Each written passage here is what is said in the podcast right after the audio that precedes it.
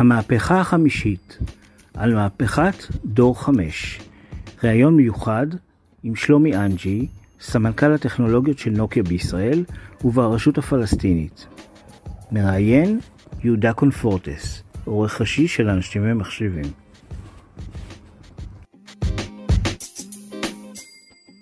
ממשיכים לעסוק בנושא של דור חמש, בהמשך גם לתוכנית הקודמת. שלום לשלומי אנג'י, סמנכ"ל הטכנולוגיות של נוקיה ישראל והרשות הפלסטינית. שלום יהודה, מה שלומך? אני בסדר גמור, שמח שאנחנו מדברים. שלומי, לפני שנצלול לתוך נושא התוכנית, בוא נעשה היכרות איתך לטובת המאזינים שלנו, תספר לנו קצת על עצמך, על הרקע ועל הפעילות. כן, ובכן שמי שלומי אנג'י, אני סמנכ"ל הטכנולוגיות של נוקיה ישראל והרשות הפלסטינית, כפי שהצגת אותי. יש פה איזשהו חיבור מעניין.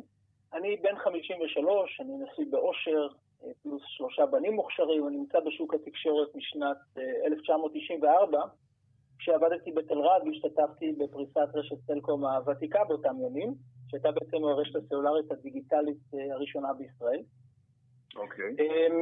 במהלך הקריירה שלי, מקומות העבודה העיקריים כללו את תל רד, נורטל נטוורקס, טיאוקו, או בשמה הישראלי המוכר יותר TTI טלקום, וב-2016 הצטרפתי כחבר הנהלה CTO לחברת אלקטלוסנט, אשר כעבור שנה הפכה להיות נוקיה. והקריירה שלי מגוונת, היא כוללת פיתוח, אימות פיתוח, הנדסת מערכת, ניהול מוצרים, פיתוח עסקי בארץ ובעולם, okay. ואני גם משמש כמרצה בפורומים שונים וגם כיועץ אמון בתחום תשתיות התקשורת, לרבות לגופי ממשל שונים. אני מאוד מזוהה לאחרונה עם, עם קידום תשתיות התקשורת של המדינה הנפלאה שלנו. אוקיי. Okay. אז אתה נטוע, מה שנקרא, עמוק עמוק בעולם התקשורת של ישראל, ואתה גם, יש לך בטח זוויות אה, השוואה, היית גם בדור 4, בדור 3, בדור 2. אה, בוא נשאל עכשיו כרגע, נתחיל עם זה, לטובת המאזינים שלא בקיאים במושגים ובטכנולוגיה, מה זה בכלל דור 5, מאיפה השם ומה המשמעות שלו? אוקיי, okay. אתה יודע, הסלולר נמצא איתנו, מלווה אותנו ב-30-40 שנה האחרונות, הוא החל דרכו כשירות לשיחות ניידות, אחר כך הצטרפו הודעות ה-SMS, ובערך, הייתי אומר, בערך בסביבות שנת 1995 הופיעה הגלישה הסלולרית, קראו לזה אז דור 2.5.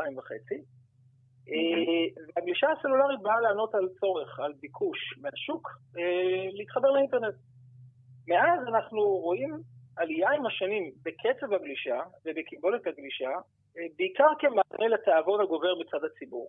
צריך להבין, אין אינטרס לחברות סתם להשקיע בתשתיות, אלא אם הציבור רעב ורוצה לצרוך עוד ועוד תכנים.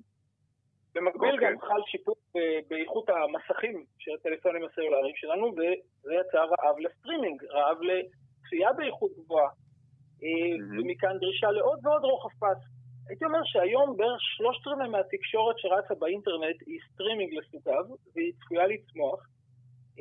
לא רק צפייה בווידאו, אלא גם צפייה בווידאו באיכות גבוהה יותר, 4K, 8K, וכמובן גם תלת מימד והולוגרמות, זה לא מדע בדיוני. וכאשר הביקושים מצד הציבור גדלים, אז, כן. אז מן הסתם צריך טכנולוגיה שמאפשרת להעביר את זה, והדור החמישי נותן מענה בכך שהוא קודם כל מעלה את מהירות הגלישה הסלולרית, וגם מאפשר לשרת יותר משתמשים בו זמנית.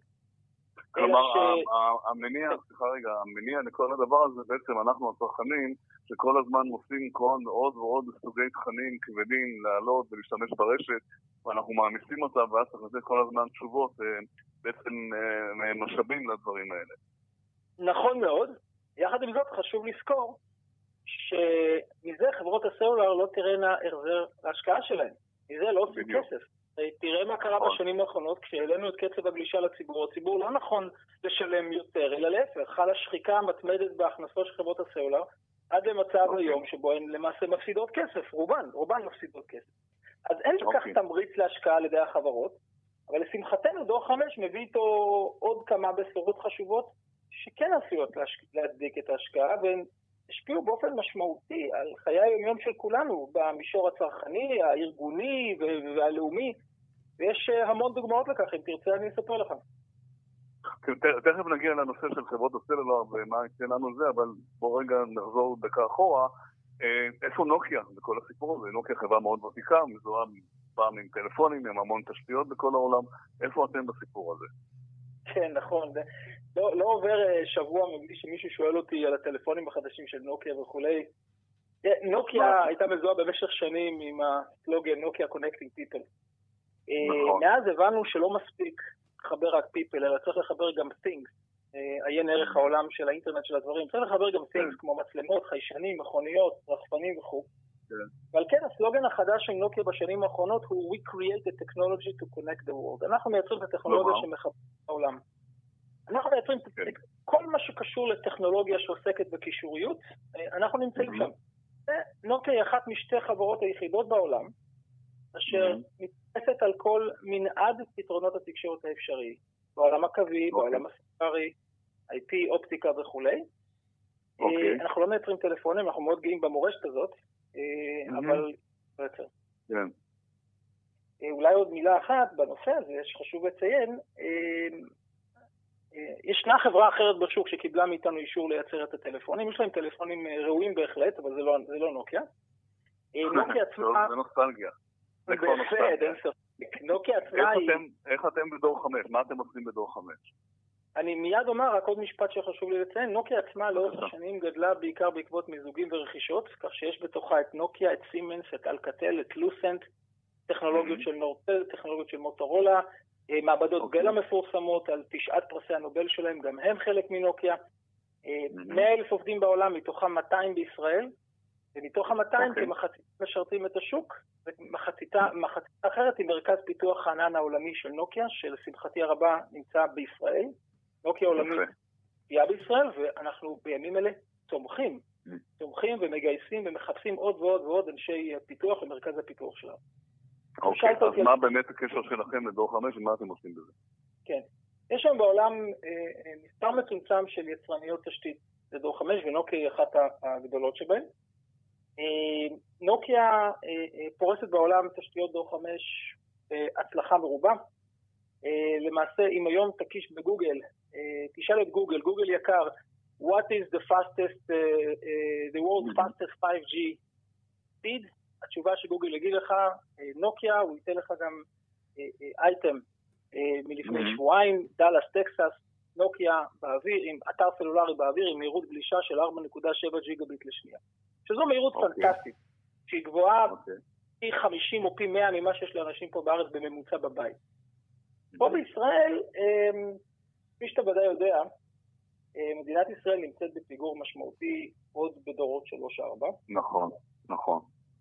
אה, בעצם לפני, אה, לפני קצת פחות משנה יצא דוח של ה-OECD שמיקם אותנו באיכות השירות הסלולרי במקום ה-78 בעולם, שזה בערך כמו מיינמר והרפובליקה הדומיניקנית. לא הכי מכובד, כן. מאוד מכובד, כן. וזה בניגוד גמור לתחושה שלנו שאנחנו אומת הסטארט-אפ. וחשוב להבין שמאז הדוח ועד היום מצבנו אף הידרדר. ועוד דבר חשוב להגיד, בניגוד לדוחות OECD על מצב הרפואה, מצב הבריאות אה, אה, וכולי, שעוסקים בתקציבים ציבוריים, כאן מדובר בתקציבים פרטיים.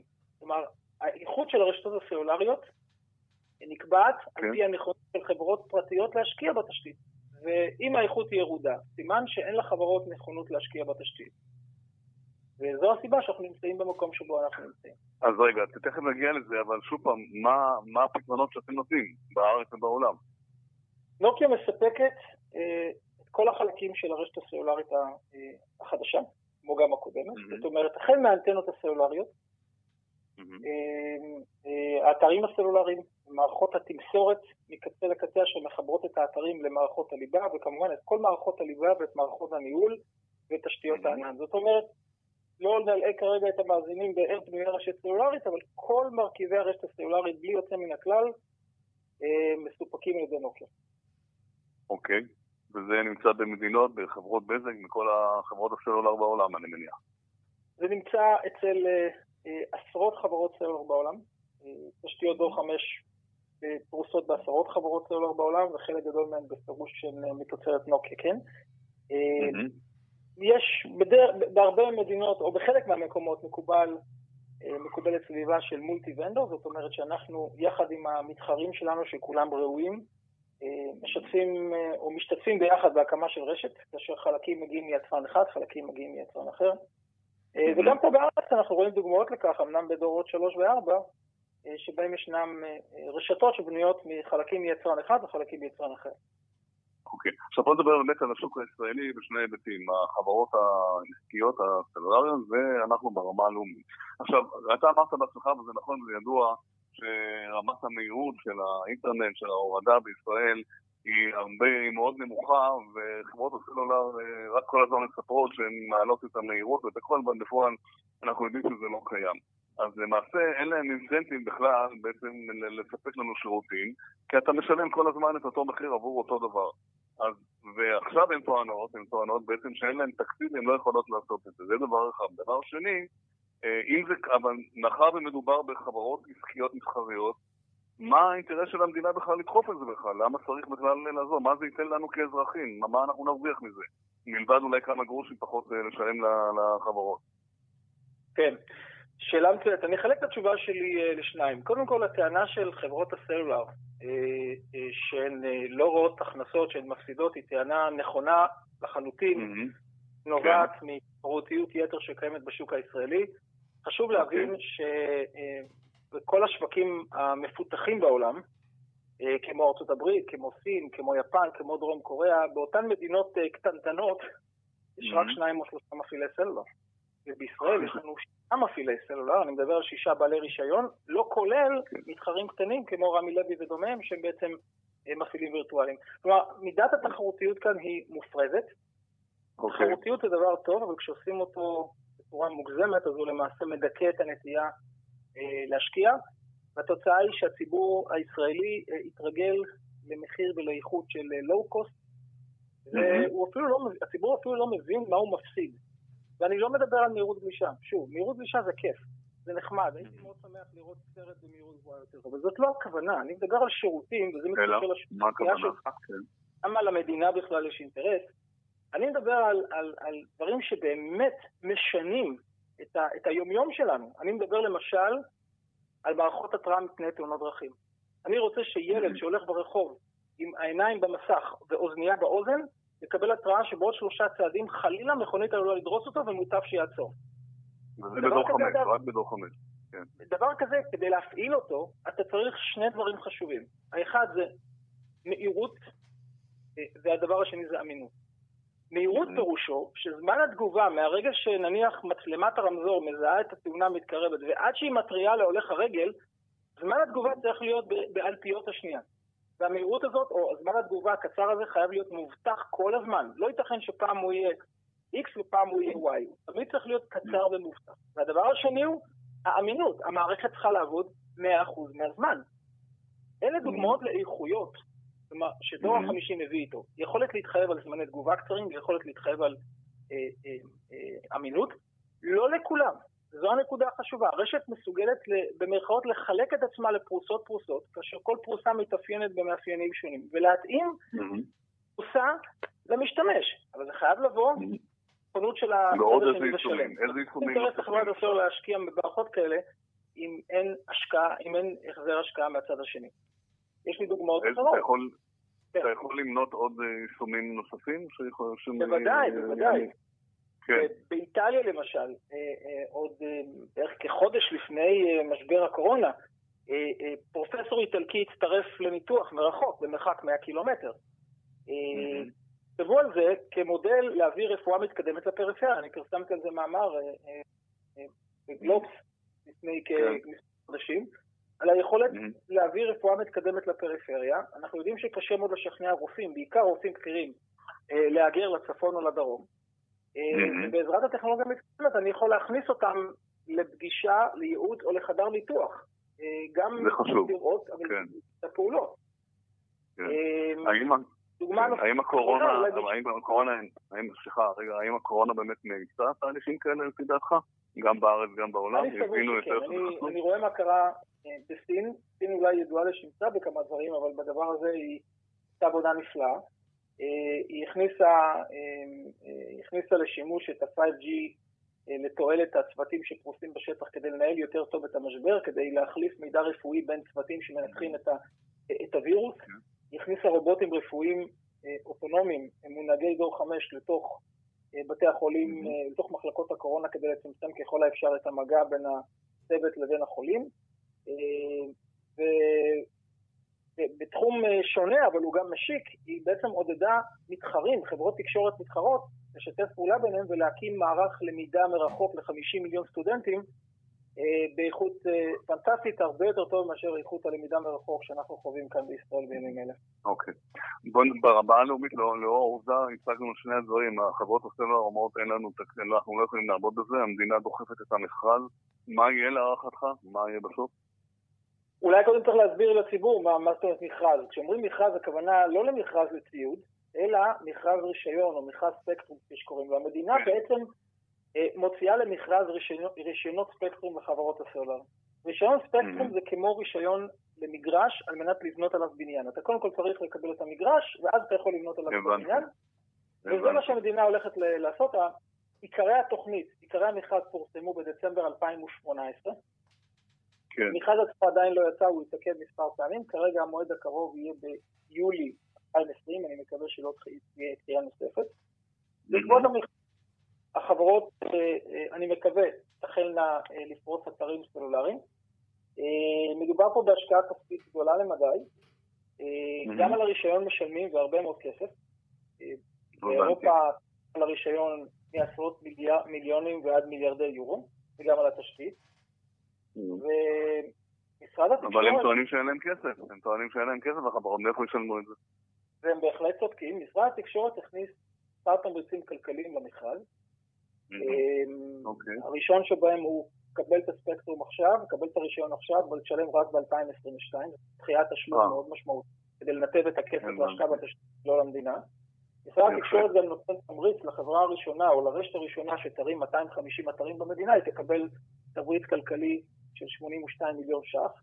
זה לא אה, הרבה, אבל זה עדיין אה, יפה לקבל תמריץ כזה. והדבר האחרון שהמדינה הכניסה כן. זה תמריץ לשיפור תשתיות דור 4, תוך הכרה mm-hmm. שהמצב באמת עגום בתחום הזה, וזה בעיניי התמריץ המשמעותי ביותר לחברות הסלולר להשקיע. אוקיי. שאלה אחרונה, ואתה יודע שמדברים על, בכלל על סלולר, מי כמוך יודע, אתה הרבה שנים בתחום, במיוחד הדור חמש, זה הנושא של הקרינה. ברשתות החברתיות ובכל מיני פורומים יש ויכוחים נועזים בעד ונגד, על כל מחקר בעד יש מחקר נגד. מה, מה אתה יודע בנושא הזה? איך אתה, איך אתה יכול להרגיע את המאזינים שלנו? כן, אני, אני, אני צופה ב, ב, בכל הדיונים הציבוריים בנושא הזה. האמת היא שבאופן אישי אני די נחרד לשמוע את, את האנשים הבאמת תמימים האלה שנופלים בפח של השרלטנים. מתנגד לדור החמישי, הוא גם מתנגד לדור הרביעי ולשלישי, הוא מתנגד לכל סוג של קרינה או לכל סוג של קרינה כן, באופן כן. מאז, ב-30-40 שנה האחרונות פורסמו כ-25 אלף מחקרים שכולם, כן. אף אחד מהם לא מצא שום קשר בין קרינה סלולרית לבין אה, אה, גידולים או דבר כזה, mm-hmm. ועם זאת mm-hmm. האנשים המסכנים מאמינים למחקר מפוקפק אחד או שניים שמגיע מאדם mm-hmm. שעושה חלק לבן וחבל. אין הבדל, okay. אוקיי. בין, אין הבדל מהותי בין קרינה של דור 5, 4, 3 או 2 או וי-פיי. כולן נמצאות באותו תחום תדרים שהוא באופן יחסי אינו גבוה. Mm-hmm. אולי אני אסביר פה עוד משפט אחד, חשוב שהמאזינים... כן, אחרון, כן. כן. אחרון. אה, כשאנחנו מסתכלים על קרינה מבחינת תחומי תדר, אז יש תחומי התדר הגבוהים, המסוכנים, שהם קרינת, אה, קרינה רדיואקטיבית וכולי. ואז אנחנו יורדים לקרינת רנטגן שהיא מסוכנת אבל אפשר להשתמש בה, ואז אנחנו יורדים לקרינה בתדר בינוני שזה אור, פשוט האור שהעין שלנו רואה, ואז אנחנו יורדים לקרינה בתדר נמוך שזה הסלולר והווי-פיי. זאת אומרת, שאם אנחנו לא חוששים מקרינת האור. האור הנראה לעין, האור של המנורה מעליך, נכון. אין שום סיבה שנחשוש מקרינה בתדר נמוך יותר של דור חמישי. לצערי הציבור, באמת, כואב לי הלב, אני, אני רואה את האנשים שנופלים בפח, קונים כן. לסיפורים על תת לב וכולי, וחבל. זה מסוג, מסוג הדברים הלא נודעים, אנשים פוחדים מדברים שהם לא רואים ולא יודעים, הם רק, הם, הם רק הם חוששים. שלומי אנג'י, סמנכ"ל הטכנולוגיות של נוקיה ישראל והרשות הפלסטינית, תודה רבה שהיית איתנו. תודה רבה לך, שיהיה יום טוב.